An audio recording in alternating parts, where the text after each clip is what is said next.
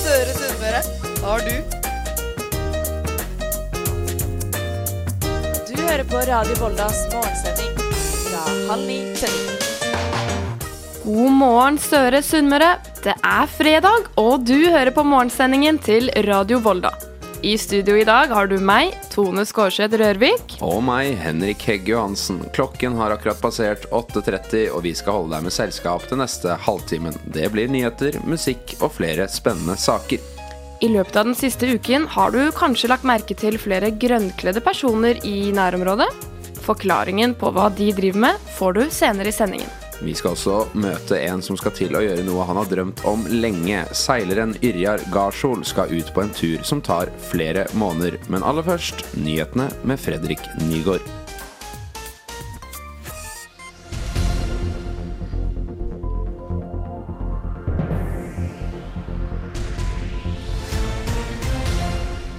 Austefjord Grendalag foreslår å bruke Austefjord skole i Volda som et midlertidig mottak for ukrainske flyktninger.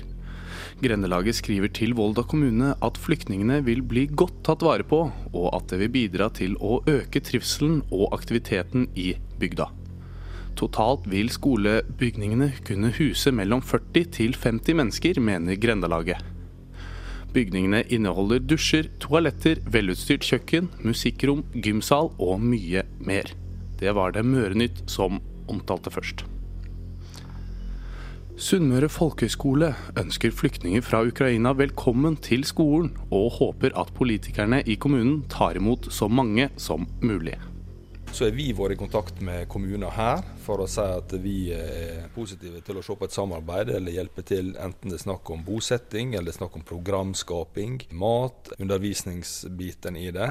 Rektor ved Sunnmøre folkehøgskole, Arnt Ole Grimstad, håper kommunen tar imot en stor andel flyktninger. Han tror folkehøgskolene kan være en del av løsningen. Jeg tenker det er både veldig viktig og veldig fint at folkehøgskolene som har internat og romkapasitet, ser at det kan være en mulighet i enten en overgangsperiode eller for mer permanent basis. At vi kan tilby gode fasiliteter for de som kommer hit, og også en slags inkluderende heim. Vi sier ofte at denne skolen er en heim, og denne heimen er en skole. Leder for mangfold og integrering i Ulstein kommune, Lars Erling Bjåstad Hovlid, er positiv til forespørselen, og ser ikke bort ifra et samarbeid. Ja, Folkehøgskolen er en veldig god integreringsarena. Det er på en måte instant integrering. sånn at det tror jeg er en veldig god idé hvis det skulle bli aktuelt. Rektor Grimstad tror spesielt skolen kan gi trygghet til flyktninger i folkehøyskolealder. De kan godt være ei klasse her på SUF, som de andre klassene. Og de kan få være en del av oss og en del av aktivitetene og det sosiale på ettermiddagene og kveldene, slik at de ikke bare sitter på et rom en eller annen plass, men blir en del av vår elevgjeng. Ulstein er bedt om å ta imot 135 flyktninger fra staten. Hvor mange flyktninger kommunen skal ta imot, vedtas på kommunestyret i kveld. Reporter i saken var Christian Kyrstad. Førstkommende mandag 28. mars er siste gang man kan ta vaksine i Herøy kommune på fire uker. Kommunen legger fram en plan der de kun tilbyr vaksinering mot covid-19 én gang i måneden. Tidligere har det vært tilbudt hver uke. Neste, man, neste gang man kan da ta vaksine etter mandagen, blir 25. april. Møre og Romsdal Røde Kors arrangerer ferieturer for barnefamilier som har levd i vanskelige livssituasjoner over lengre tid, og som har lite penger å rutte med. Røde Kors vil gi familiene en ferieopplevelse der de ikke trenger å bekymre seg for det økonomiske. De ønsker at turdeltakerne skal kunne møte mennesker i samme livssituasjon og gi dem rom for å bygge nettverk. Ferieturene går til Haugalandsenteret i Vestland fylke og vil skje de, siste, de to siste ukene i juli. Mer informasjon og påmelding finner man på Ørsta kommune sine sider. En kompisgjeng fra Ulsteinvik på tur i Lofoten fikk skikkelig napp i går, da de dro opp en torsk på 40 kilo. Den heldige fiskeren Nils Peter Skeide forteller til Vikebladet at han først trodde han hadde satt fast kroken i et sluk. I et garn. Gjengen fisket mellom Stamsund og Henningsvær da han kjente skikkelig drag. Hobbyfiskeren legger til at dette var den største fisken han noensinne har fått på kroken. Kompisgjengen skal være med på VM skreifiske i amatørklassen førstkommende lørdag. Og nyhetene de fikk du av Fredrik Nygaard.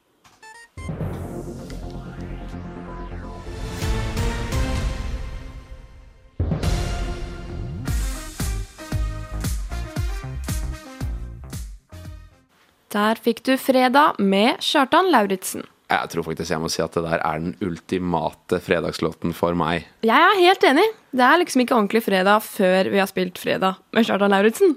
Det er eh, stemmer på en prikk. Men har du tenkt over at for hver fredag som går nå, så kommer vi altså et skritt nærmere sol, sommer og ikke minst båtferie.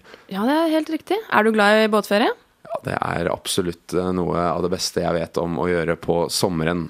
Og det passer jo ganske bra, for nå skal vi faktisk møte Ulsteinvikeren Yrjar Grashol. Nei, Yrjar Garshol. Og han har en lidenskap for eh, seiling. Han er klar for å endelig oppfylle enhver seilers store drøm, nemlig å seile rundt verdens sørligste odde. Ja, Kona mi sier at jeg er fanatisk seiler, men jeg mener jeg er lidenskapelig. Og forskjellen der den kan kanskje være litt marginal.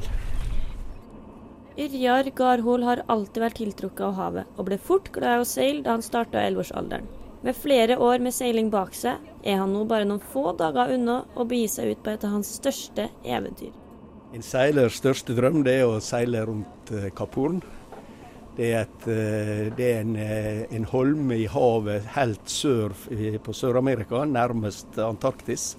Så det er Sørishavet. Og eh, der er det storm 300 dager i året. Og jeg skal, er det så heldig at jeg skal seile rundt eh, Kapp Horn, i- i om bord i ei skute som heter Statsråd Lemkull, neste uke. Og da skal vi seile rundt Kapp Horn. Yrjar liker seg best på havet. Mye av hverdagen hans går ut på å seile. Jeg prøver å, å seile nesten hele året, bortsett fra akkurat eh, vintermånedene. Har båten liggende ute og tar meg en tur så snart jeg har en sjanse. Og det betyr vel i alle fall et par ganger i uka at jeg er på tur. Og så helgene. Og om sommeren så blir det mer med både litt lengre turer og ferieturer. Og så seiler vi regatta hver, hver uke. Han har hatt flere båter gjennom tidene. Det hele starta med ei lita jolle, og nå har han en 40 fots havseiler som ikke har et tilfeldig navn. Båten heter Grøyven, og det er to, eh, to grunner til det. Først er at min bestefar var, eh, var seilt om bord i en fiskebåt som het Grøyven i, på rundt 1900-tallet. Og så, eh, så jeg var jo fascinert av det. Og så seilte jeg min første regatta, og da skulle vi runde et skjær nord om Runde som het Grøven. Grøyven. Og eh, det var dårlig vær og dårlig sikt, og alle så og så etter den, eh, det skjæret. Og til slutt så sa jeg at hvis jeg skal ha med båt en gang, så skal den hete Grauven, for den skal alle se etter. Og det ble det. Så dette er min andre Grauven. Med sola tittende fram mellom skyene og god vind i seila, tar Yrjar Grøyven ut på en lita seilas, bort fra Ulstein sentrum. Og dette er i grunnen en enkel operasjon når vi er flere, men litt mer komplisert når jeg er alene. Men... Det det er nat selve naturopplevelsen. Eh, Det er at det du, du, du føler på styrken i naturen. Og kjenne vinden, hvor han kan eh, omformes fra å få vind i håret til å få fart framover. Og det vi bruker å si at en, en seiler seiler best i motvind. Og det er nettopp det at du seiler mot vinden, og du får god fart, og du kjenner og Du er i ett med naturen. Det tror jeg er det som alltid har, eh, har inspirert meg. Så lenge det er vind i seila, så har han det godt. Men ingenting kan måle seg med naturkreftene som venter på han på Kapp Horn. Spesielt eh, tøft eh, havområde med veldig, veldig mye strømsjø og store bølger, og, og mye vind. Og det har vært, vært et sånt eh, område som eh, har vært s- omspunnet av myter fra seilskutedagene, når alle skutene måtte seile rundt der før eh, Panamakanalen ble bygd. Og siden den gang så er det å seile rundt Kapp Horn, å være en kapphorner, det er det noe av det flotteste en eh, seiler kan si han er.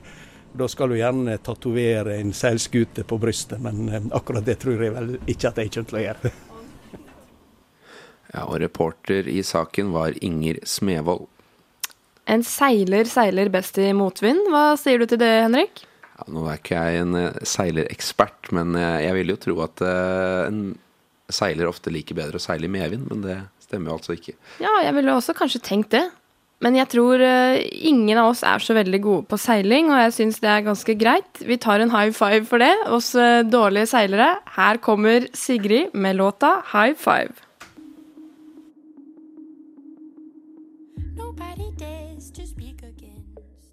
Der fikk du Sigrid med High Five. Og nå skal vi over til noe ganske annet. Ja, fordi Heimevernet de utgjør hoveddelen av Norges førstelinjeforsvar, og gjennomfører årlige øvelser under en pandemi har vært vanskelig. Men denne uken har Møre og Fjordane heimeverndistrikt hatt sin første normale øvelse på lenge. Avstand 170 meter. Mål, skive i midten. Avstand 170 meter. Ild på kommando. Ild på kommando. Ild! Møre og Fjordane heimevernsdistrikt har denne uka sin årlige øvelse i Volda og Ørsta. Med krigen i Ukraina i bakhodet har soldatene fått et litt annet syn på viktigheten av det de driver med. Det er selvfølgelig et, eh, et viktig bakteppe med tanke på situasjonen i Ukraina. Og det er noe Det gjør på en måte dette her mer, enda mer aktuelt, da. Når, når det er sagt, så er det på en måte ikke Det er, det er jo krig vi eh, prøver å unngå. Det er jo det, vi øver på å på ikke, ikke komme til. Men klart vi må nå ta høyde for eh, alle mulige utfall. Men per nå så er det ikke ingenting som tyder på at noe vil skje her i, i, i framtida. Eh, det er noe litt spesielt, da. En tenker litt ekstra på det. Det gjør en. Jeg snakka jo med stefaren min som kjørte meg opp hit, og det ble litt sånn Det er veldig store kontraster. Så litt ekstra spesielt, ja. Så det, jeg tror det er viktig å sette litt fokus og prate, prate innad i laget om det som skjer, da. Da går vi over på punkt to. Det er pipe med flammedemperen. Pipa er rein, ingen skjevhet eller skader. Pipa sitter fast. Sitte Heimevernet er med sine 40 000 sivile soldater den største styrken i Forsvaret, og dem som er med, har fullført førstegangstjeneste. Blir du plukka ut til heimevernstjeneste, er du pliktig til å delta. Rudi Amundsen er liaison-offiser i Heimevernet og er ansvarlig for å koordinere øvelser. Vi øver hvert år eh, for at eh, soldatene våre skal være forberedt hvis eh, en, eh, både en militær og en sivil eh, situasjon skulle oppstå hvor det er behov for Heimevernet.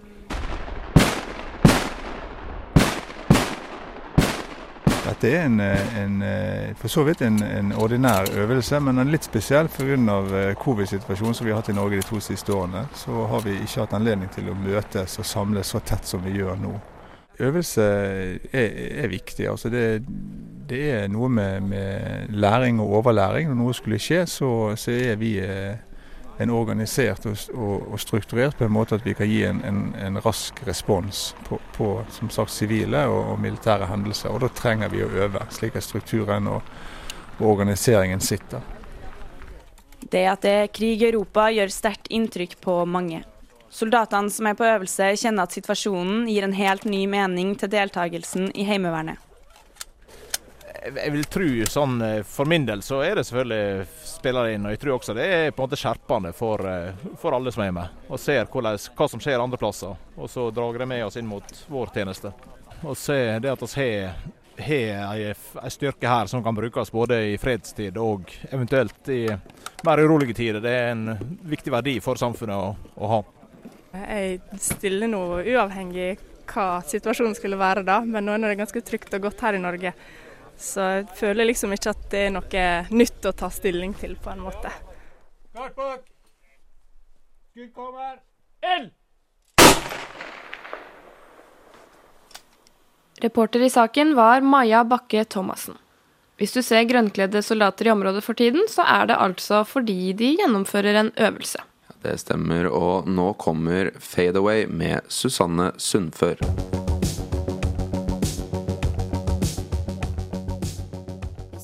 Der hørte du altså Fade Away med Susanne Sundfør her på Radio Volda. Jeg merker jeg begynner å glede meg veldig til helg nå. Og det er faktisk et par viktige ting som skjer i helga, som vi tenkte å dele med dere. Det stemmer, Tone. På lørdag fra klokken 20.30 til 21.30 markeres nemlig Earth Hour. Og hva er det for noe, egentlig? Jo, det er en symbolsk markering for klima.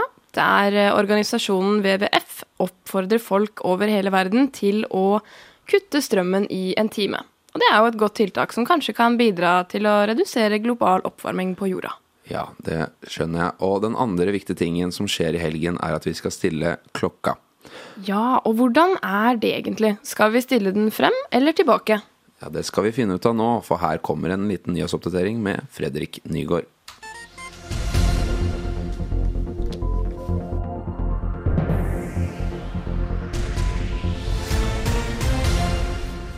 Natt til søndag skal klokka stilles én time frem, men denne tradisjonen kan kanskje bli fjernet. I 2018 foreslo EU-kommisjonen å kutte sommertid, eller gjøre det frivillig. Men pandemien har utsatt konklusjonen. Næringsminister og tidsminister Jan Christian Vestre sier i en pressemelding at Norge kommer til å vente på EU før vi tar stilling til dette, og at vi mest sannsynlig vil legge oss på samme linje. Førsteamanuensis i historie på Høgskolen i Volda, Ola Teige, tror likevel vi vil holde på sommertiden i Norge, selv om ikke alle har full kontroll på hvordan de skal stille klokka. Tilbake? Nei, fram? Ah. Klokka skal altså stilles framover, mot sommeren, natt til søndag, noe som kanskje ikke er så veldig rart. I Norge så, så er det jo ganske logisk, ikke sant? for da har man jo lange, lyse somre, og da får man jo mer dagslys og, og, mer ut av dagen. Så i Norge så tror jeg det vil vare, mens i andre land som, hvor det er mindre forskjell mellom natt og dag, så kan det vel hende at de vil liksom fjerne for å være mer, mer effektive og slippe å måtte stille klokkene to ganger i året. Alle land i EU og EØS kommer til å beholde sommertidordningen fram til EU-kommisjonen konkluderer, med unntak av ett land. Nei, Jeg kommer fra Island, og der, eh, der stilles jo klokka. Jeg syns det er bare tull. Hvorfor skal dere gjøre det? Det begynte i, i spesielt rundt første verdenskrig for at man skulle kunne få mer, være mer produktive og arbeide mer. Forklarer Ola Teige. Men selv om vi har stilt klokka i mange år, er det fortsatt noen som ikke helt har skjønt konseptet. Som jeg sa, Tidene fungerer igjen. Jeg tenker ikke over det hele tatt lenger. Skal Vi se, vi var vel pluss én, så vi går til pluss to.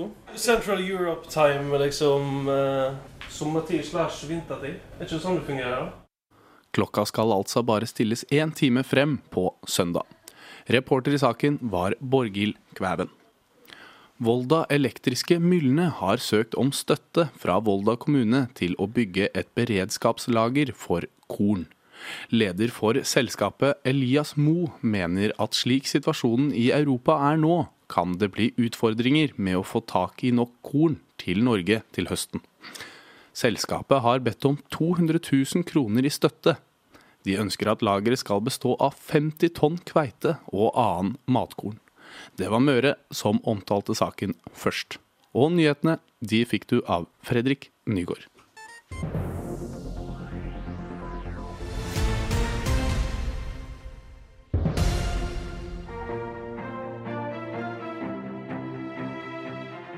Det var 'Hendene mot himmelen' med Petra Marklund her på Radio Volda. Og da er klokken straks ni, og vi har kommet til slutten av denne morgensendingen. Tusen takk for at du hørte på, og vi håper du får en fin fredag videre. I studio i dag var meg, Henrik Hegg Johansen, og min makker Tone Skårseth Rørvik. Produsent for sendingen var Sander Krangsås Dale, og ansvarlig redaktør for Radio Volda er Charlotte Lokesley Helleland. Og vi er tilbake på en ny sending mandag 8.30. Da er det vel bare å si god helg! Da er klokka ni, og du kan fortsette dagen. Takk for at du hørte på. Husk å ta med nøkkel, mobil og et smil, så kan du hoppe på sykkelen og starte dagen.